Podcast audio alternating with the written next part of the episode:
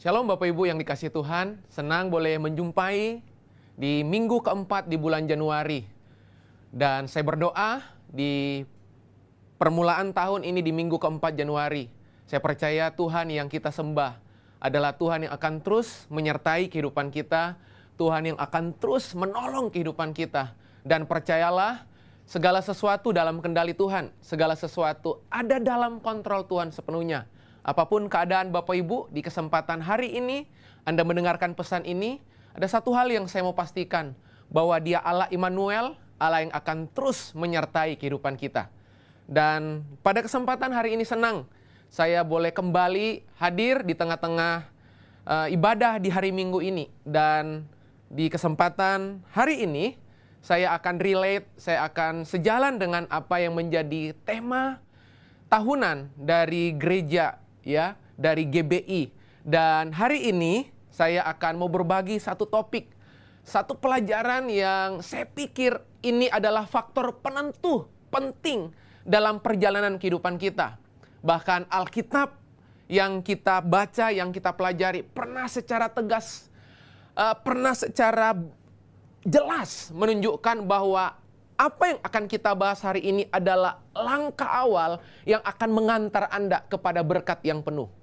Bahkan kalau kita tidak membahas topik ini, kita nggak pernah membicarakan topik ini, kita akan mengalami sebuah kehidupan yang akan sangat sulit untuk kita menerima kasih karunia demi kasih karunia. Dan hari ini, saya akan membawakan satu topik, satu pelajaran yang saya beri judul Neraca Timbang. Oke, sekali lagi, Hari ini kaitannya dengan integritas, saya akan berbagi satu topik, satu pelajaran yang saya beri judul neraca timbang. Ya. Dan selalu kalau Anda belajar Alkitab, neraca timbang Tuhan selalu pada integritas Anda.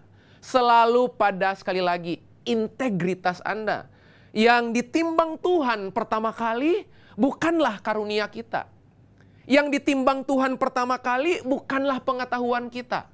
Yang ditimbang Tuhan pertama kali bukan kebisaannya Anda dan saya. Yang ditimbang Tuhan pertama kali bukanlah kemampuan kita. Yang ditimbang Tuhan pertama kali bukan kesanggupan kita. Yang ditimbang Tuhan pertama kali bukanlah karisma kita. Tapi yang ditimbang Tuhan pertama kali adalah integritas kita. Nah ini menarik yang kita akan sama-sama pelajari di kesempatan hari ini. Dan saya mencatat, saya akan sampaikan kepada Anda semua di kesempatan hari ini bahwa buat Tuhan, saya akan bacakan buat Anda, buat Tuhan, apa pun yang Anda punya, tapi kalau Anda nggak punya integritas, Anda nggak akan pernah berdiri kokoh. Percayalah, apa pun dalam kehidupan ini yang kita punya, kita miliki, nggak akan punya kekuatan untuk berdiri kokoh kalau Anda dan saya nggak punya integritas. Dan kita akan sama-sama belajar hari ini tentang neraca timbang. Dan ada beberapa ayat yang saya akan tunjukkan kepada Bapak Ibu ya. Dan percayalah kalau Anda punya integritas, Anda punya kualitas integritas, kualitas akan cenderung memasarkan dirinya sendiri. Saya ulang. Ya, kualitas akan cenderung memasarkan dirinya sendiri. Kalau Anda punya kualitas integritas, Anda nggak perlu berusaha pasarkan bisnis Anda. Kalau Anda punya kualitas integritas secara pribadi, secara personal, kualitas tidak akan pernah berupaya, berusaha memasarkan dirinya sendiri. Sebab orang yang punya integritas, saya percaya akan cenderung, akan cenderung sekali lagi memasarkan dirinya sendiri. Seluruh upaya-upaya Anda dalam kehidupan ini akan berakhir hancur, akan berakhir kacau kalau kemudian apa pun yang Anda tawarkan, apa pun yang Anda hadirkan tanpa sebuah integritas. Makanya sekali lagi, Tuhan yang kita sembah itu selalu menakar. Tuhan yang kita sembah itu selalu memberikan neraca timbang selalu pada area kedalaman. Tuhan nggak pernah integritas itu nggak pernah di area permukaan, ya. Integritas itu nggak pernah di area kosmetik. Makanya coba lihat orang yang punya perilaku palsu akan punya integritas palsu. Nah hari ini sekali lagi kita akan sama-sama melihat. Dan kalau Anda hari ini jualan integritas, saya pastikan kalau Anda jualan integritas, kalau integritas itu adalah sebuah produk, maka yang terjadi ya produk itu akan laku terjual. Kenapa? Karena hari ini integritas jadi barang yang sulit dicari. Karena sulit dicari, saya berdoa hari ini mari kita membangun kehidupan yang punya integritas. Nah, saya melihat ada beberapa definisi yang penting waktu saya merenungkan tentang integritas. Dan tahukah Anda bahwa sering kali noda-noda dalam kehidupan kita biasanya bukan urusannya dengan karisma. Noda-noda dalam kehidupan kita sering kali tidak ada urusannya dengan sebuah karisma. Tetapi noda-noda dalam integritas, sorry, noda-noda dalam kehidupan kita sering kali berurusan dengan karakter kita. Oke, nah hari ini saya akan mengantar Bapak Ibu perlahan-lahan dan mungkin di beberapa menit ke depan jadi sebuah pesan yang cenderung gak nyaman, cenderung yang mengganggu hati kita. Tapi percayalah, integritas itu perlu dibangun dalam kesarian kita. Dan saya pastikan, sebab firman Tuhan janji, waktu Anda membangun kehidupan yang penuh integritas, Alkitab bilang begini, promosi akan datang dalam kehidupan Anda. Kalau Anda membangun sebuah kehidupan yang penuh integritas, makanya Alkitab berkata begini, Anda akan menerima banyak kasih karunia, bahkan Tuhan hanya akan memberkati orang-orang yang hidup dalam integritas.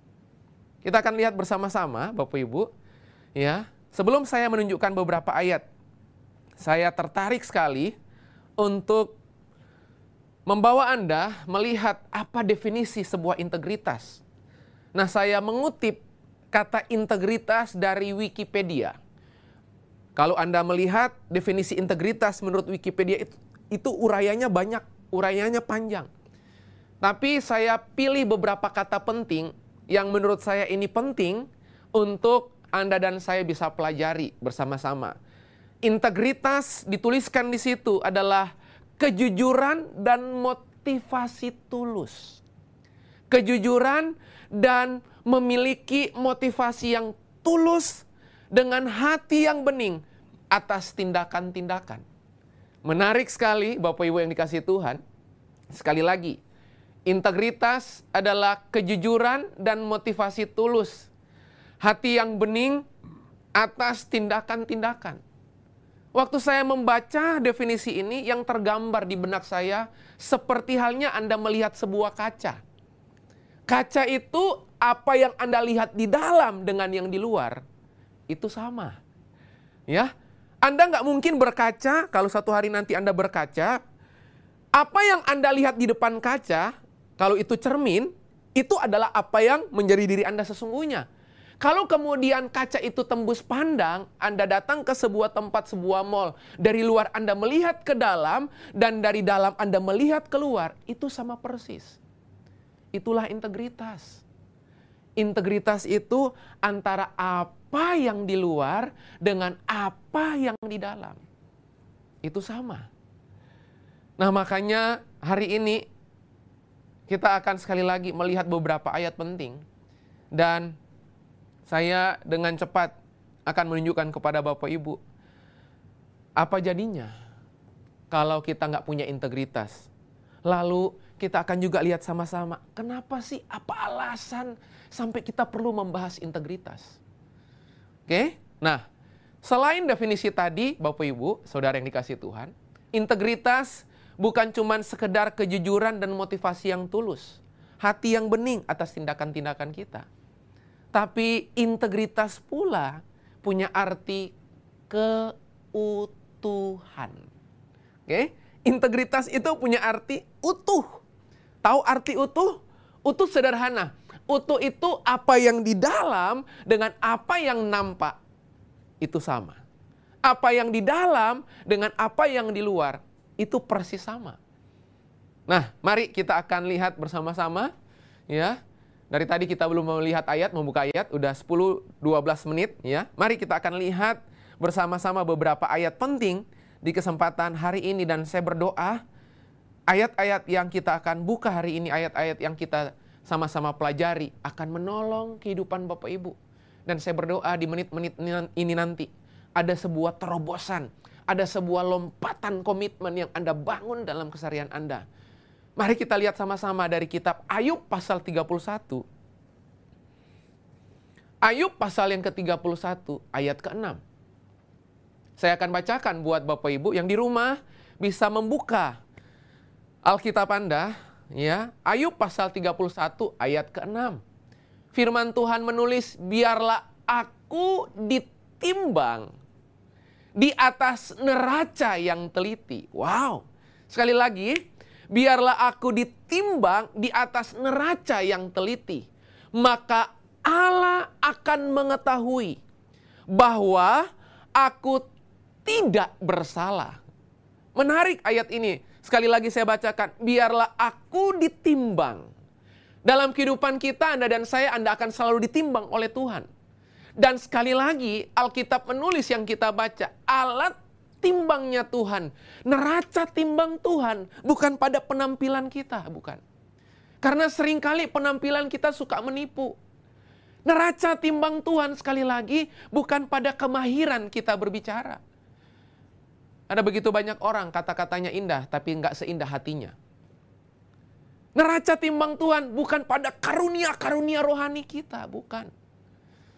Tapi neraca timbang Tuhan, sekali lagi Alkitab bilang, Tuhan dengan teliti menimbang. Dan yang Tuhan timbang, sekali lagi adalah integritas kita. Yang Tuhan timbang adalah apa yang ada di dalam hati kita. Apa yang menjadi motif kita. Hati kita bening gak sih? Apa yang ada di dalam kita sesuai gak sih? Ayat yang berikutnya. Kita lihat lagi, saya mau tunjukkan beberapa ayat. Amsal pasal yang ke-11. Ayat 1, lalu saya lompat ayat ketiga. Amsal pasal 11 ayat 1. Neraca serong adalah kekejian bagi Tuhan. Wow, neraca serong adalah kekejian bagi Tuhan. Tetapi, wow, wow, perhatikan.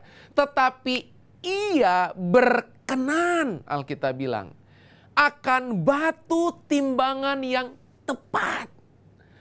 Ya, dan ayat ketiga menulis seperti ini. Saya lompat ayat ketiga. Orang yang jujur di dipimpin ketulusannya.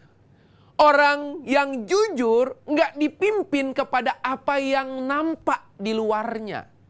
Orang yang jujur Alkitab bilang dipimpin oleh ketulusannya, oleh motivasi yang tulus, hati yang bening yang saya sampaikan di menit awal tetap tadi. Tetapi pengkhianat dirusak oleh kecurangannya. Kalau Anda membaca ayat ini, saya mau bacakan dalam Alkitab terjemahan yang lain. Yang perlu Anda simak dengan baik. Tuhan membenci penipuan dan senang akan kejujuran. Orang baik dipimpin oleh kejujurannya. Orang jahat dibinasakan oleh kecurangannya. Jelas dari ayat ini, kita melihat dengan tepat dengan baik bahwa lewat ayat ini jelas Tuhan itu akan melepaskan berkat dalam kehidupan kita bukan karena hebatnya kita bekerja. Oke, Tuhan akan melepaskan berkat dalam kehidupan kita bukan semata-mata karena kita punya banyak jaringan bisnis di mana pun. Itu baik. Tapi saya mau kasih tahu buat Anda.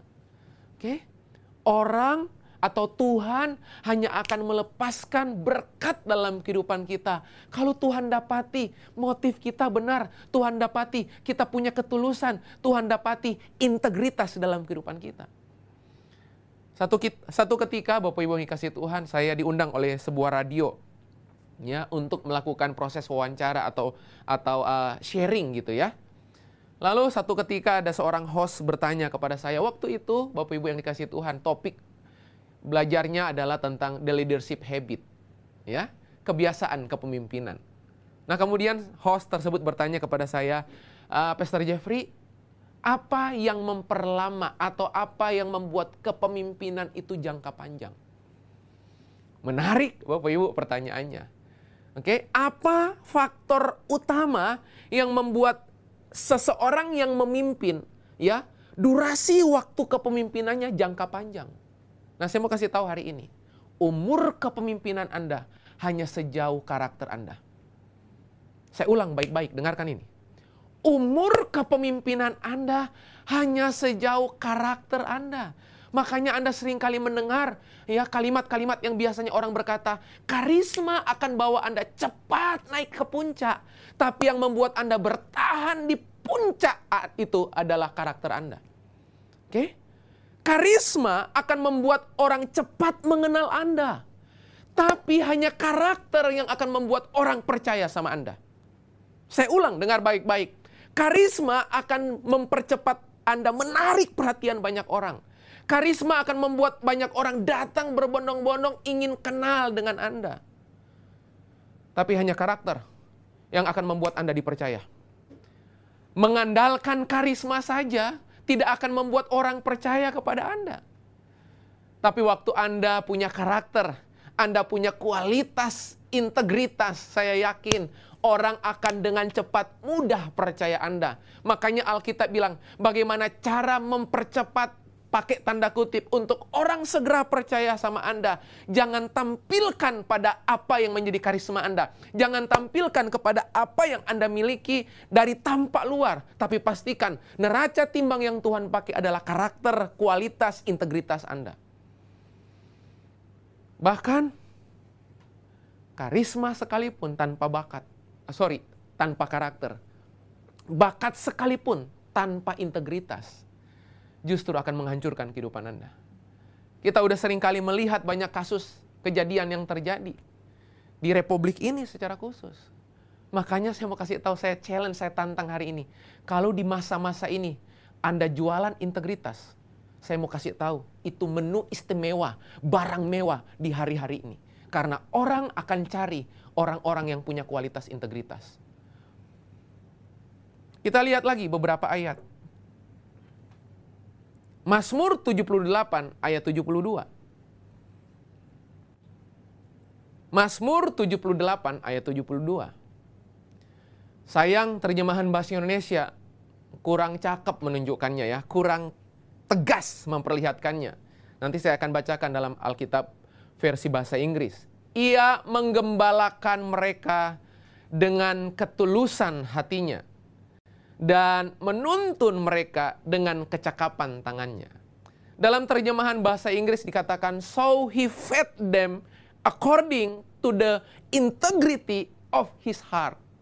Wow, jadi rupanya dari ayat ini jelas kok. Saya ulang-ulang ini, integritas itu tidak bicara luar Anda. Integritas itu nggak bicara tampilan Anda. Tapi integritas itu selalu bicara di kedalaman Anda. Sekali lagi, yang Tuhan timbang pertama kali selalu jauh di lubuk hatimu. Selalu jauh di kedalaman hatimu. Makanya integritas itu bukan di permukaan. Integritas itu bukan pada apa yang nampak. Integritas itu bukan wilayah permukaan, sebab integritas itu adalah wilayah kedalaman. Itu integritas. Itu integritas. Dan percayalah, hanya Tuhan yang bisa menimbang perkara di dalam hati. Orang lain nggak tahu. Hanya Tuhan yang paling tahu perkara-perkara yang di dalam. Makanya saya berdoa hari ini. Saya pikir menarik sekali setiap kali kita ditantang untuk menghidupi sebuah nilai yaitu integritas. Ya, sekali lagi, integritas itu titik awal. Integritas itu uh, tangga pertama untuk Anda dipercaya. Dan setelah Anda dipercaya, lalu kemudian Anda dipercayakan. Oke, saya ulang. Integritas itu titik awal Anda dipercaya. Setelah Anda dipercaya, Anda dipercayakan. Setelah Anda dipercayakan, Anda dipromosikan. Setelah Anda dipromosikan, Anda menerima blessing. Tuh, Anda lihat anak tangganya jadi jangan pernah berharap Anda menerima berkat sempurna dalam bisnis Anda. Berkat sempurna dalam pernikahan Anda. Berkat sempurna dalam pelayanan Anda. Kalau Anda nggak terlebih dahulu menapaki anak tangga yang pertama yang namanya integritas. Integritas sekali lagi mengantar Anda naik pada tangga kedua, dipercaya. Setelah Anda dipercaya, Anda naik lagi pada tangga yang ketiga, dipercayakan. Setelah Anda dipercayakan, naik lagi Anda dipromosikan. Dan tahukah Anda, begitu Anda dipromosikan, itu titik berikutnya adalah Anda menerima blessing dari Tuhan. Tahukah Anda? Anak tangga terakhir yaitu berkat selalu dipicu oleh faktor integritas. Sekali lagi, bukan kosmetik yang kita pasang di luar. Bukan, sebab integritas selalu bukan di wilayah permukaan. Integritas selalu di wilayah kedalaman. Nah, di sisa waktu yang ada 15 menit ke depan, apa alasan kita membahas integritas? Ya. Set, uh, apa alasan kita membahas integritas? Jadi 15 menit pertama tadi Bapak Ibu itu baru introduce-nya Bapak Ibu ya. Nah, ini khotbah sesungguhnya Bapak Ibu ya. Di 15 menit waktu terakhir kita akan lihat sama-sama apa alasan sih sampai membahas integritas itu penting. Yakobus pasal yang ke pertama ayat ke-8. Iya. Yakobus pasal yang pertama ayat yang ke-8. Apa alasan kita hari ini membahas integritas? Tahukah saudara sebelum saya membaca ayat ini, manusia tanpa integritas tidak akan pernah bisa bahagia. Saya ulang.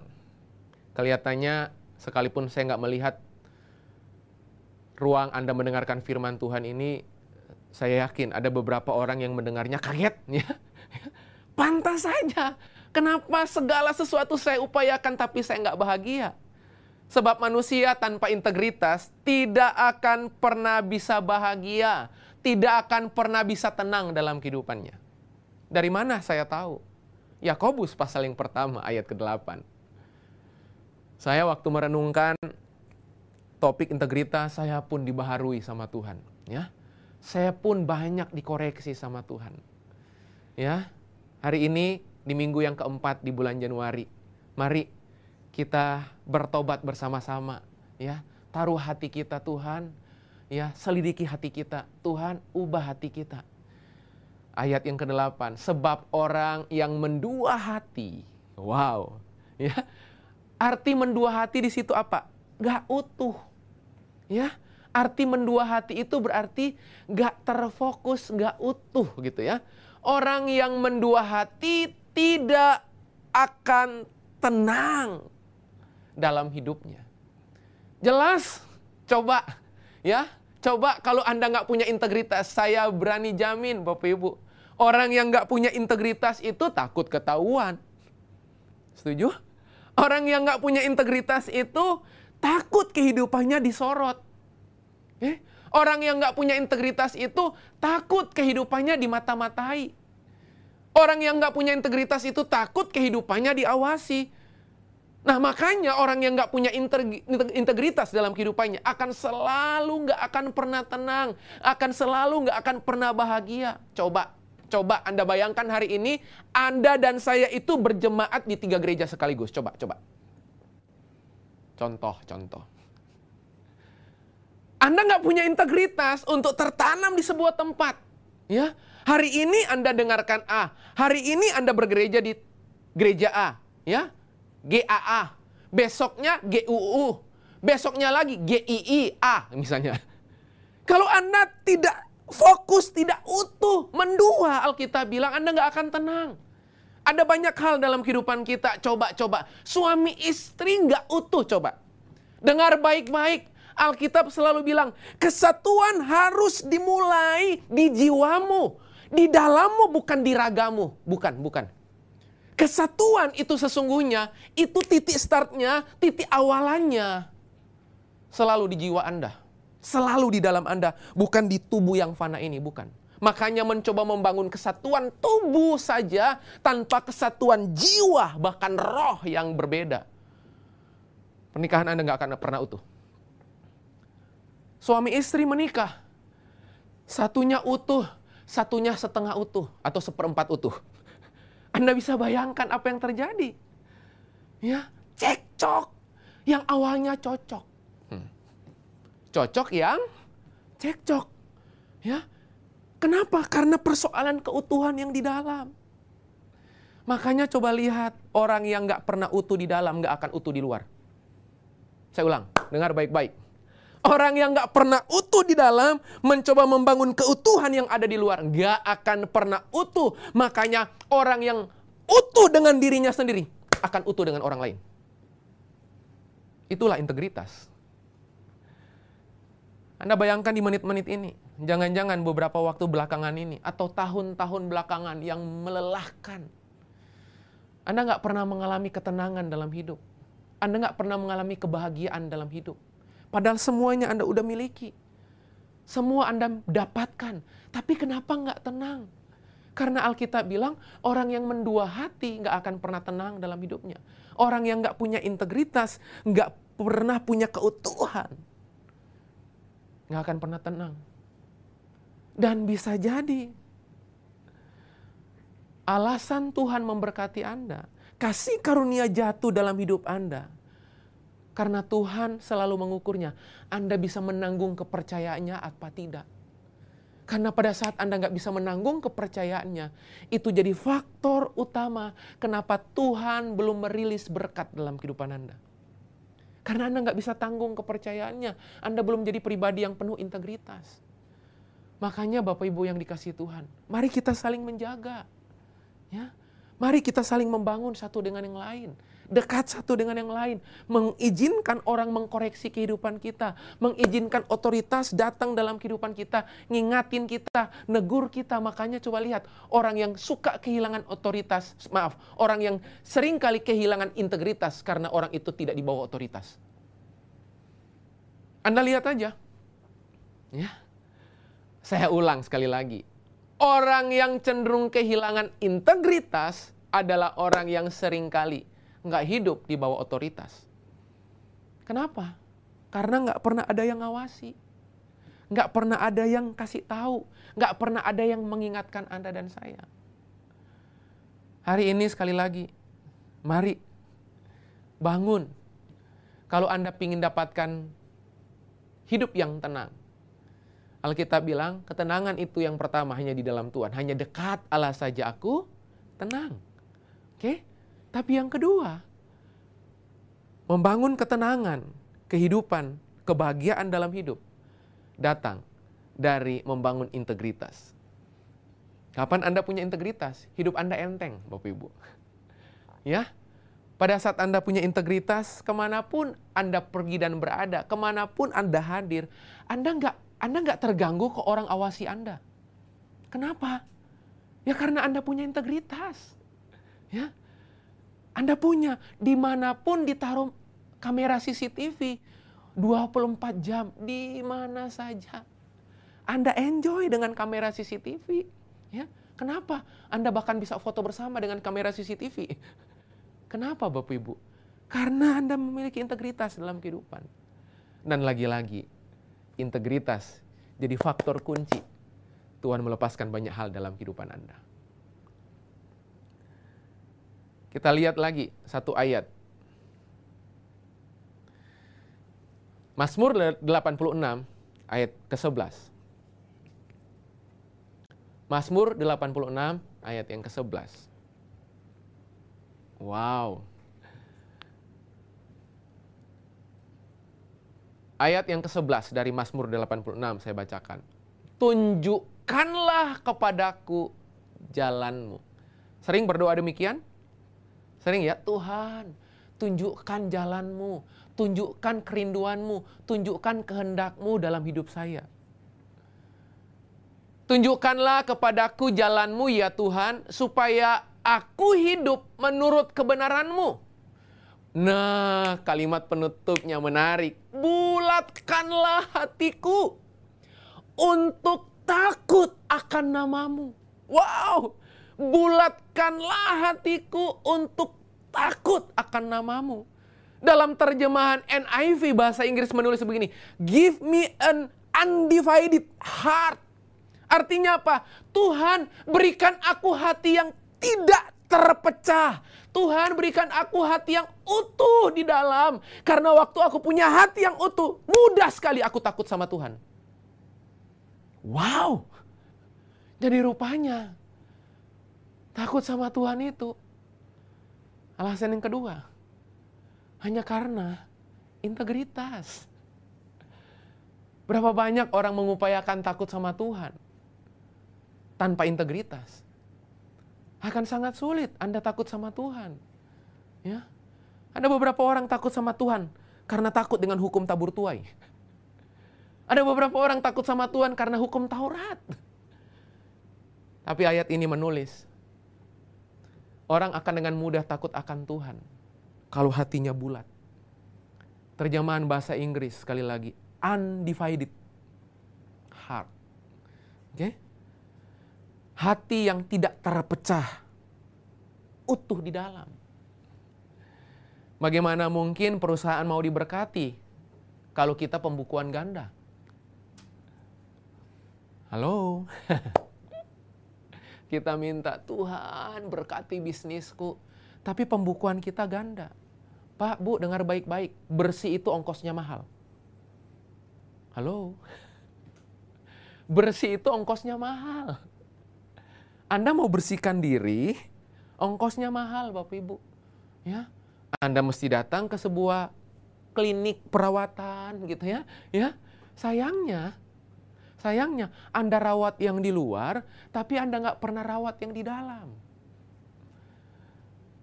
Paham Bapak Ibu yang dikasih Tuhan?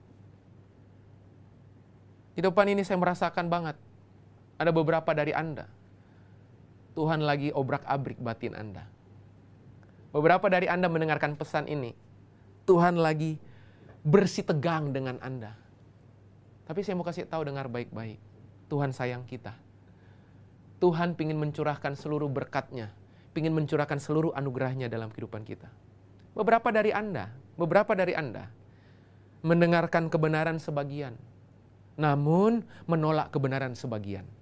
Makanya hati kita nggak pernah utuh. Makanya hati kita nggak pernah beres. Sekali lagi, untuk bersih hati kita, ongkosnya mahal. Dan tidak ada satu orang pun yang terlahir di muka bumi ini langsung dipercaya orang lain. Oke, okay? integritas itu teruji oleh waktu. Oke, okay? makanya kalau Anda lihat hari-hari ini, ada yang namanya uji fit and proper test dan tahukah Anda, sebelum seseorang diuji fit and proper testnya ke legislatif, wakil rakyat di DPR, selalu ditelusuri banyak hal. Lalu kemudian diuji fit and proper testnya, lalu diketok keputusannya. Tuhan akan melakukan hal yang sama dalam kehidupan Anda. Dan percayalah, begitu Anda kedapatan punya hati yang bersih, anda kedapatan punya hati yang benar. Anda, pun, Anda kedapatan punya hati yang utuh di dalam. Hanya tinggal tunggu waktu. Tuhan akan melepaskan yang terbaik buat kehidupan Anda. Sekali lagi, dua alasan inilah kenapa kita harus membahas integritas. Dua alasan inilah kenapa kita harus terus merenungkan, mengupayakan, menjaga kehidupan kita penuh integritas. Kenapa? Yang pertama sekali lagi, Orang yang tidak punya integritas gak akan pernah bahagia. Bukankah Anda merindukan kebahagiaan dalam hidup Anda? Oke? Okay? Kalau Anda mengejar kebahagiaan dan merindukan kebahagiaan mampir menetap permanen dalam kehidupan Anda, sederhana kuncinya. Mari bangun kehidupan yang penuh integritas. Jangan mendua hati, Alkitab bilang. Orang yang mendua hati nggak akan pernah tenang dalam hidupnya. Oke? Mari punya hati yang utuh. Ya, Buang kosmetik-kosmetik luar dalam kehidupan kita. Oke? Rawat ya yang ada di dalam kita. Yang kedua, kenapa alasan kita membahas integritas? Sederhana, karena Alkitab bilang integritas itu akan melahirkan takut akan Tuhan. Jangan berupaya takut Tuhan tanpa integritas. Oke, okay? jangan berupaya takut Tuhan hanya karena kecaman. Jangan pernah takut Tuhan hanya karena punishment. Jangan pernah takut Tuhan hanya karena persoalan hukum Taurat. Tapi takutlah sama Tuhan melalui kehidupan yang penuh integritas. Anda menjadi kaca yang bening, yang orang dari dalam, orang dari luar bisa melihatnya, yang di luar sama dengan yang di dalam. Saya berdoa Bapak Ibu, mari Jadilah man of integrity. Jadilah orang-orang yang penuh integritas. Saya berdoa di mana pun Anda berada hari ini. Mendengarkan firman ini, mari jangan menyerah. Ya, kita berproses bersama-sama. Kalau Anda gagal di hari ini, bangun kembali. Kalau Anda roboh di hari ini, bangkit kembali dan percayalah. Percayalah, kalau Anda menjadi pribadi yang bisa dipercaya, berkat, blessing, kasih karunia akan terkoyak dan akan hadir dalam kehidupan Anda. Selamat hari Minggu.